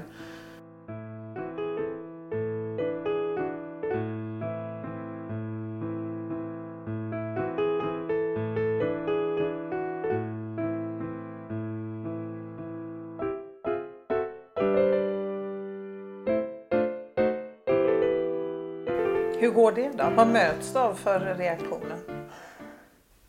Ja, men jag möts av ganska bra reaktioner för det mesta tycker jag. Lyfter jag fram en, lyfter jag eller min eh, den, den, den, miljöpartistiske kommunalrådet då, som har ansvar för klimat och miljöfrågorna. Om han liksom, eller jag liksom lyfter lite grann så här, men vi skulle kunna göra så här. Eh, det, kunde det här vara en bra idé för att, liksom, för att, för att utveckla politiken? Då, då blir ofta svaret ja, och i synnerhet om det inte kostar någonting liksom det kan vara någon sån där, ehm, ska vi, då, då, kan det, då, då kan liksom svaret vara att ja men, ja, men absolut, det kan vi göra. Vi, vi hade till exempel med förra året i budgetarbetet som ett inspel då att eh, eh det går numera att mäta klimatavtrycket per portion skolmat till exempel via kostdatasystemet.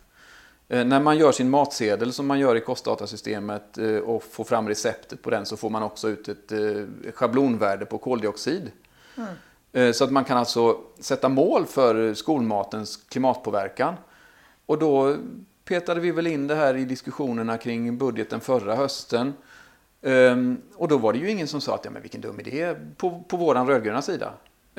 Utan nej, men, ja, nej, men det, det absolut. Det hade vi inte tänkt. Ungefär så här.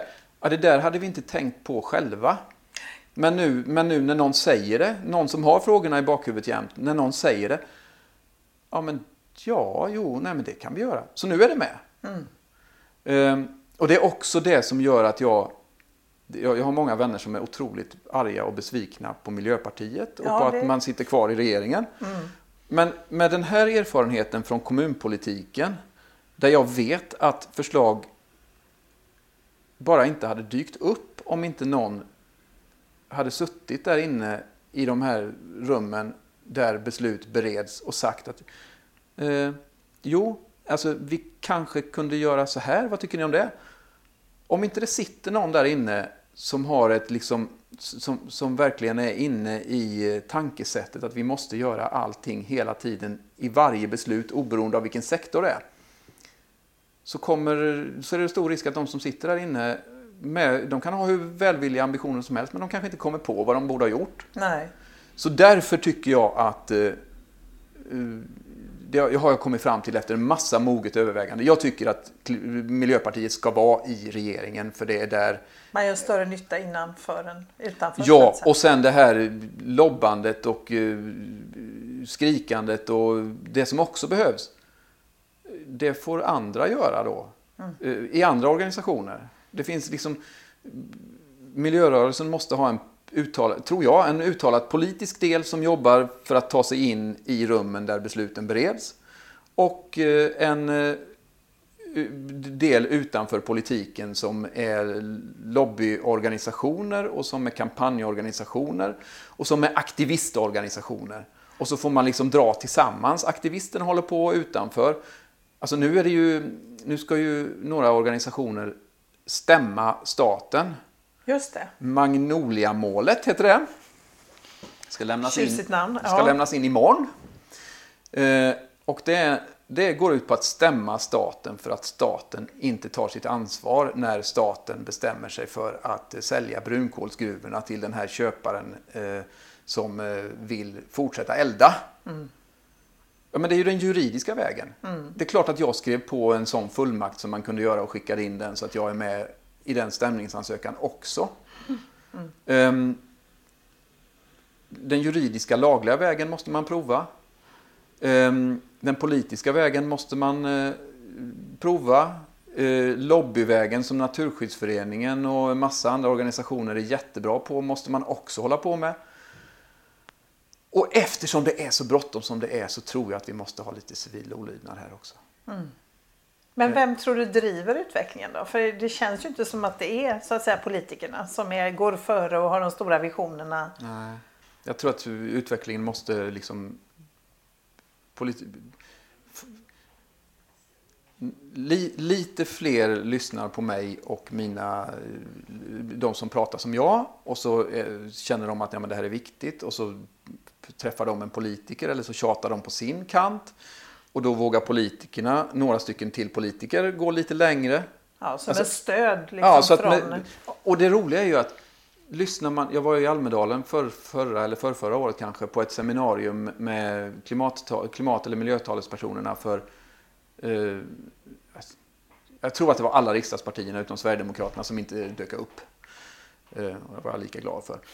Eh, och de klimattalespersonerna, när man hör dem från alla partierna från höger till vänster, eller miljötalespersonerna, så skulle jag säga så här.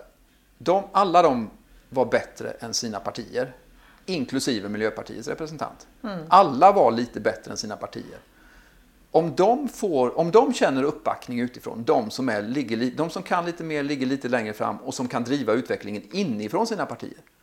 Om de känner en stöttning från en större och växande del av allmänheten eller från sina väljare eh, så kommer de att våga gå lite längre. Och vågar de gå lite längre så kommer lite fler att haka på dem.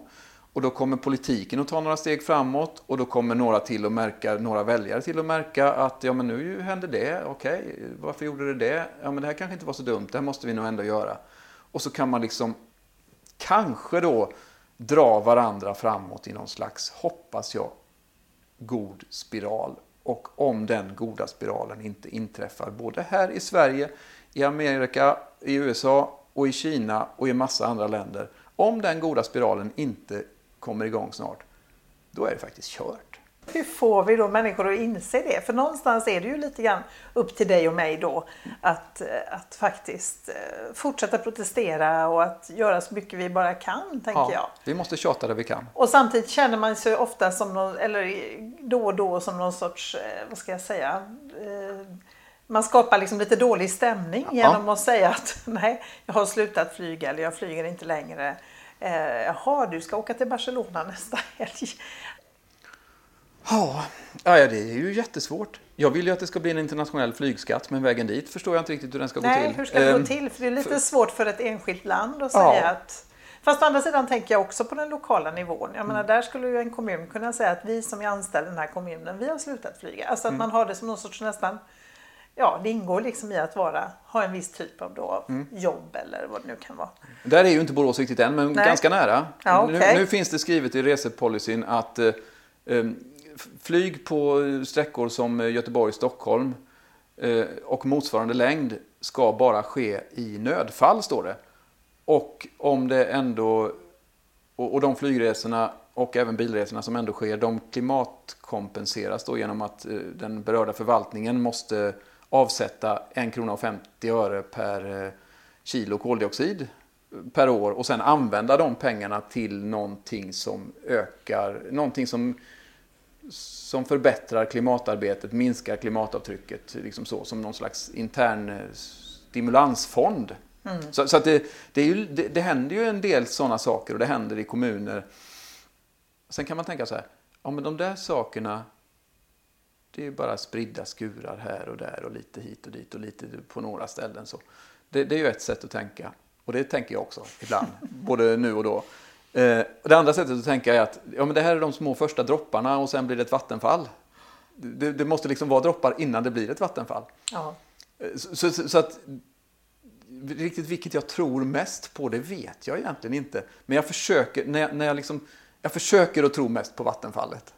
För, för att annars så blir man ju knäpp och ledsen och, och kommer inte att orka med någonting. Nej, jag tänkte ju säga det är ju svårt att få något engagemang ur ja, den eh, så att ja, säga. Ja, det är, ingen, det är ingen drivkraft då. riktigt så. Alltså, eländet är ingen drivkraft. Nej. Sen tror ju jag att de som älskar sin utlandsresa, de kommer ju bli ledsna av att inte lika billigt och enkelt kunna göra den resan. Men jag hoppas att de ska hitta något annat att bli glada över. Så därför håller jag på och försöker fundera en massa, och det har jag kompisar hemma i Borås som gör också. Hur kan vi liksom... Vad, vad kan vi göra för att göra Borås till en gladare och trevligare stad med små medel? Jag snackade igår med en kompis som eh, eh, djupt inblandad i den ekologiska, ganska nystartade butiken. Nära heter den, om jag ska göra lite reklam här så kanske det kommer med här. blir Dennis glad. Jag pratade med Dennis igår. Han är väldigt insyltad i den och den har det är en butik och en förening och ett café och eh, lite andra. Liksom, och nu håller de på att försöka ge sig in och låta den här föreningen, eller den här liksom, bli också en, eh, en kulturscen, en arena för eh, för eh, loka det lokala musiklivet. Och det är ju en sån sak då som jag tänker, ja men alltså kan vi inte, kan vi inte åka och uppleva saker så får vi se till att vi kan uppleva fler saker hemomkring. Jag vill att, jag hade också en idé någon gång, ehm, det här skulle jag göra i smyg som en sån här gerilla-grej. Jag skulle liksom ställa ut eh, kanske ett ishockeyspel någonstans på ett torg en dag med vackert väder mitt inne i stan där och sen skulle jag ställa ut, lägga ut en, ett bocciaspel eller bollklot i stadsparken eller en fotboll eller badminton. Jag skulle liksom bara smyga ut uh, Yatzy, jag skulle liksom smyga ut spel på olika ställen. Sen hann jag aldrig med detta. Så nu, och nu är det ju för kört för nu berättar jag ju att jag skulle göra det. Ja. Men det skulle liksom, och, då tänkte, och med det ville jag, och sen skulle jag lägga en liten lapp så här. Stanna gärna och spela en stund och ha det trevligt här nu när det är fint väder. Eh, om du vill får du ta med dig spelet hem, annars kan du lämna det kvar så kanske någon annan kommer att spela. Det är liksom fritt fram. Och så tänkte jag att eh, det liksom skulle, ja, men då kanske, då, kanske någon, då kanske tidningen skriver om de här mystiska spelen och sen är det någon som hakar på den där idén och sen kanske någon politiker tycker att det är en jättebra idé och skriver en motion om att Borås stad ska liksom um, genom cityvärdar som redan finns och som liksom, eh, går omkring i stan och all, blir, ja, man kan fråga dem om hjälp och de städar lite och de liksom går omkring och tar, ska ta hand om eh, liksom, centrum i stan. Så här. Ja, men då kunde de väl ha, då kanske någon politiker plötsligt skulle motionera om att ja, men kan inte de när de ändå går, kan inte de ha ett skåp någonstans, ett låst skåp som, som de låser upp på morgonen och så ställer de ut de här spelen runt torget de dagarna det är fint väder. Och börjar det regna så tar de in dem igen. Och så liksom finns de där och så skulle man liksom ha en icke-kommersiell anledning att komma och vara i stan. Och så skulle det bli trevligare. Och så kanske något café skulle sälja någon extra kopp kaffe av det också som liksom en bi, icke nödvändig biprodukt. Mm. Um, för att stan har blivit lite mer av ett vardagsrum där man vill vara. Mm. Ja, så, det, det, finns ju inte många sådana icke-kommersiella liksom, miljöer att vara i idag i en stad. Det är ju liksom så. Allting mm. kostar pengar på något sätt eller ja. är kommersiellt. Så att, det låter som en utmärkt idé. Jag tänkte det skulle vara trevligt. Sen var jag i och för sig inne på på, nu kostar det ju en väldigt, väldigt liten summa, men jag var inne på Stadsmuseet här borta, precis ner på Hamngatan här va? Ja. Det är det som ligger här borta. Vi, ja, just det, ja. längst ut där. Ja. ja vid kanalen. Så, och, och, där kan man ju gå in och sitta lite. Och, Absolut. Um, så, så, att den finns ju de här små oaserna, men om man, om man liksom gjorde det till mycket mer huvudsak och såg till att det, det här är en stad där vi där, där det liksom finns mötesplatser överallt inne i centrala stan. Mm. Um, vi säger att inne i den här centrala stan så kommer det också på sikt också att ligga mycket färre eh, butiker som säljer eh, masskonsumtionsmode eh, i stor, och som bara har volym och som ska växla hela utbudet var fjortonde dag. Mm.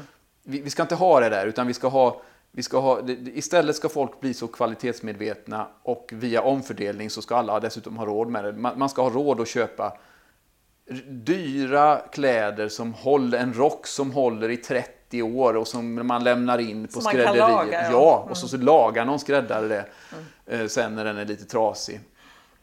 Eh, och så är det naturligtvis hållbar bomull där den som har odlat den här bomullen också får vettigt betalt. Eh, och om det är bomull. Men ännu hellre är det kanske något annat material som inte gör åt så mycket vatten. Alltså, det blir hela tiden när man tänker så här, när man ska liksom försöka tänka på total hållbarhet så blir det så många detaljer så att ja. man behöver ha lite tumregler. Och då tar vi en tumregel.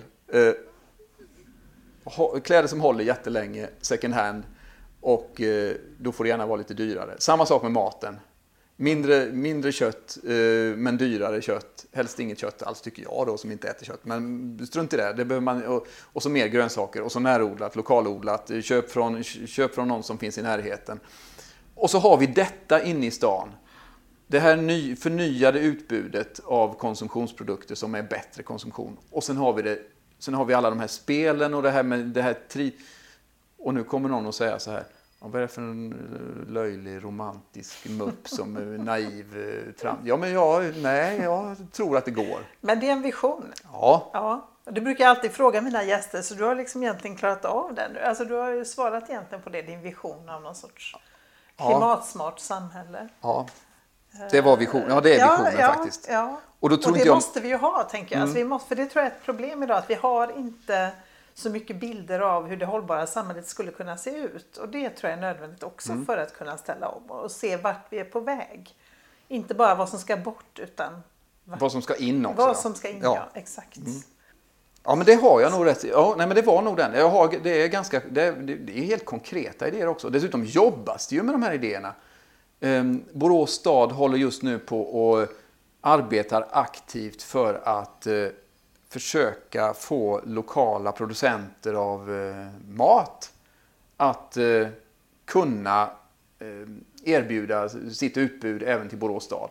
Sen är det ju lagen om offentlig upphandling och så vidare, men, men liksom, eh, en liten odlare ska liksom kunna känna att det är möjligt för mig att ta en liten, liten del av eh, det som eh, Borås stad köper till alla sina Eh, Eh, bespisningar och skolor och eh, äldreboenden. Och, eh, och så har det ju inte varit, för det har varit svårt att ta sig in som liten leverantör därför att staden kräver leverans ut till alla enskilda skolor, alla enskilda kök, alla leveranspunkter av leverantören som man upphandlar. Och är jag potatisodlare så kan jag inte köra mat till en massa olika ställen. Så därför ska man försöka samla distribution, äh, samla, ha en leveranspunkt. Om jag är liten odlare så kan jag leverera till ett ställe och sen kör Borås stad på ett eller annat vis eh, via entreprenad eller egen regi ut det här sen ut till eh, slutanvändarna. Så det, så det pågår ju liksom, det, det, är inte bara en vision och inte bara naivt. Det pågår i, och här i Göteborg pågår det ju jättemycket. En av dina gäster, eh, vad heter han, stats... Eh, Niklas Wennberg. Vi kan inte ha ett samhälle där allting är en tävling om högre lön och därmed mer konsumtion. Vi kan inte ha ett samhälle där en, en, en, en ganska liten procent är odrägligt rik och kan konsumera precis hur mycket som helst och ändå få pengar över. Det är ju, det är inte, det är inte det att jag är... Det är ju bara det att... Det, alltså, tänker man efter så låter det direkt ovettigt, oförnuftigt. Um, och jag tycker att det borde låta oförnuftigt oberoende av vilken ideologi man har. Min fru säger ibland så här, när jag gick i skolan så på 80-talet, då pratade man om två olika, då pratade man om socialism och kapitalism och så blandekonomi. Mm. Och blandekonomi var det vi hade i Sverige då. Ja, just det. Ja, det har vi ju fortfarande. För att staten är ju inne, det har, egentligen är ju varenda ekonomi i hela världen en blandekonomi. Det är bara frågan om hur man blandar. eh, och då skulle jag vilja blanda om lite. Ja. Eh, jag skulle vilja blanda om lite så att eh, så att eh, det kostar och alltså, då måste ju staten på något vis eh, blanda på så sätt att det kostar pengar att eh, förorena. Och en del föroreningar får man förbjuda därför att, alltså jag tänker så här, eh, DDT är förbjudet för det var giftigt. Det, hade, det, det kunde ha ihjäl folk. Mm. Var- Här, ja. här nere på gatan så åker det bensinbilar och dieselbilar och de har också ihjäl folk. Nu, Mm. Varför är det så svårt att förbjuda dem då? Ja, därför att det är så många som tycker om dem och vill ha dem och åker i dem och tycker att det är praktiskt och bekvämt och skönt och jag kör också bil ibland. Det är svårt. Men menar, det finns ju alternativ. Det finns ju andra bilar då. Alla Mm. Ja. går inte på bensin. Så att, eh. Nej. Men jag nej. menar, det, det är, Mm. för det är väl det man som enskild konsument också kan känna. Att så länge det kostar då. Jag, jag vill åka på en kurs i London i höst. Ja, så kollar jag vad kostar det att åka tåg. Går det överhuvudtaget Mm. att åka tåg? Det gör det. Och det tar runt ett dygn sådär.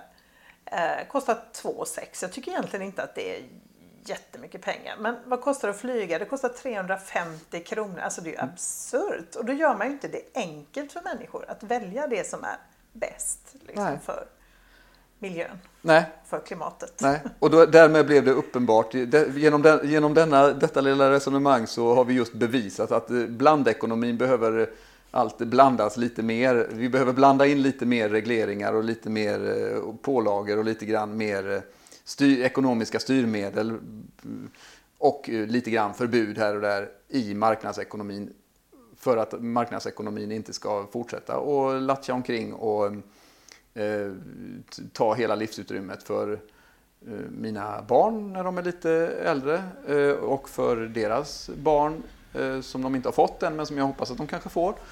Ehm, så småningom, eh, deras livsutrymme. Jag vill ju att de barnen ska ha, en, ska ha ett hyggligt liv när de börjar bli gamla och ska få det lugnt och skönt och liksom så här, ja, de kanske har liksom, de, de kanske, de kanske är kanske i ni- å- å- 80-årsåldern, 70-årsåldern, sådär framåt 2100. Men då vill jag ju att de ska ha ett hyggligt liv. De kommer ju inte få det om vi har gjort åt det de skulle ha. Alltså jag tror så här, om mänskligheten klarar detta och så sitter man och skriver historieböcker så kommer vi att kallas generation ego. Det var de där svinen, de levde... Och vi visste. Ja, visst visste vi det. Annars kan vi inte sitta och prata om det. Nej. det Och varenda människa kan lyssna på detta som, som bor i en utvecklad ekonomi och har tillgång till en dator. Så att, så att man kan ju inte säga att man inte visste. Alla vet detta. Ehm, och då vill jag, nu, nu blir det sån här skrämselgrej, så nu måste vi försöka liksom, lite, lite grann det här. Ja, man kan göra mycket. Ja, vad är ditt bästa råd? Gå med i en miljöorganisation det första man gör. Gå- Organisera. Gå med, i gå med i Naturskyddsföreningen. Eh, gå på ett Greenpeace-möte.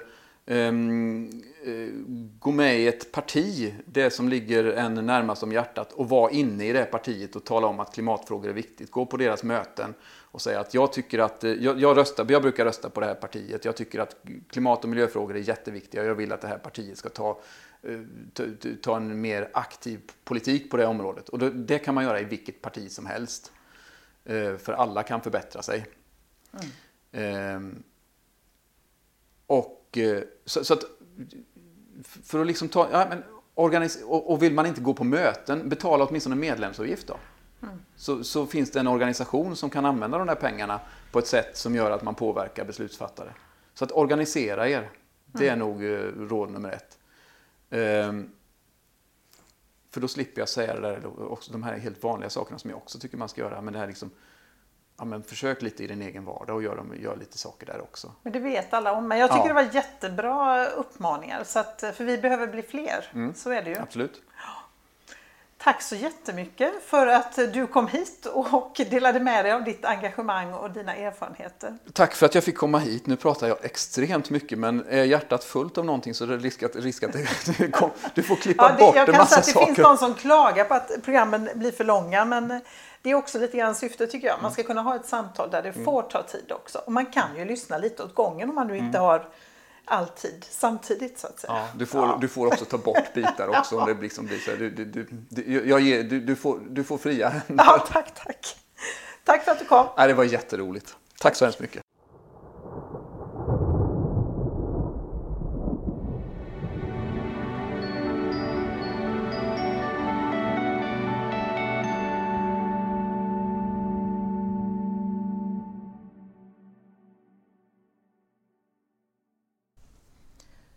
Du har lyssnat på Klimatpodden med mig, Ragnhild Larsson.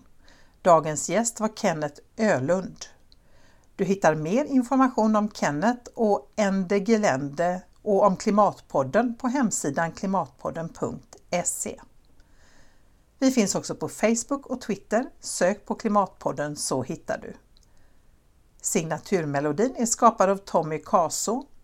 Musiken i dagens avsnitt är Edvard Grieg, Lyric Pieces, opus nummer 12, nummer 2 av Circus Marcus.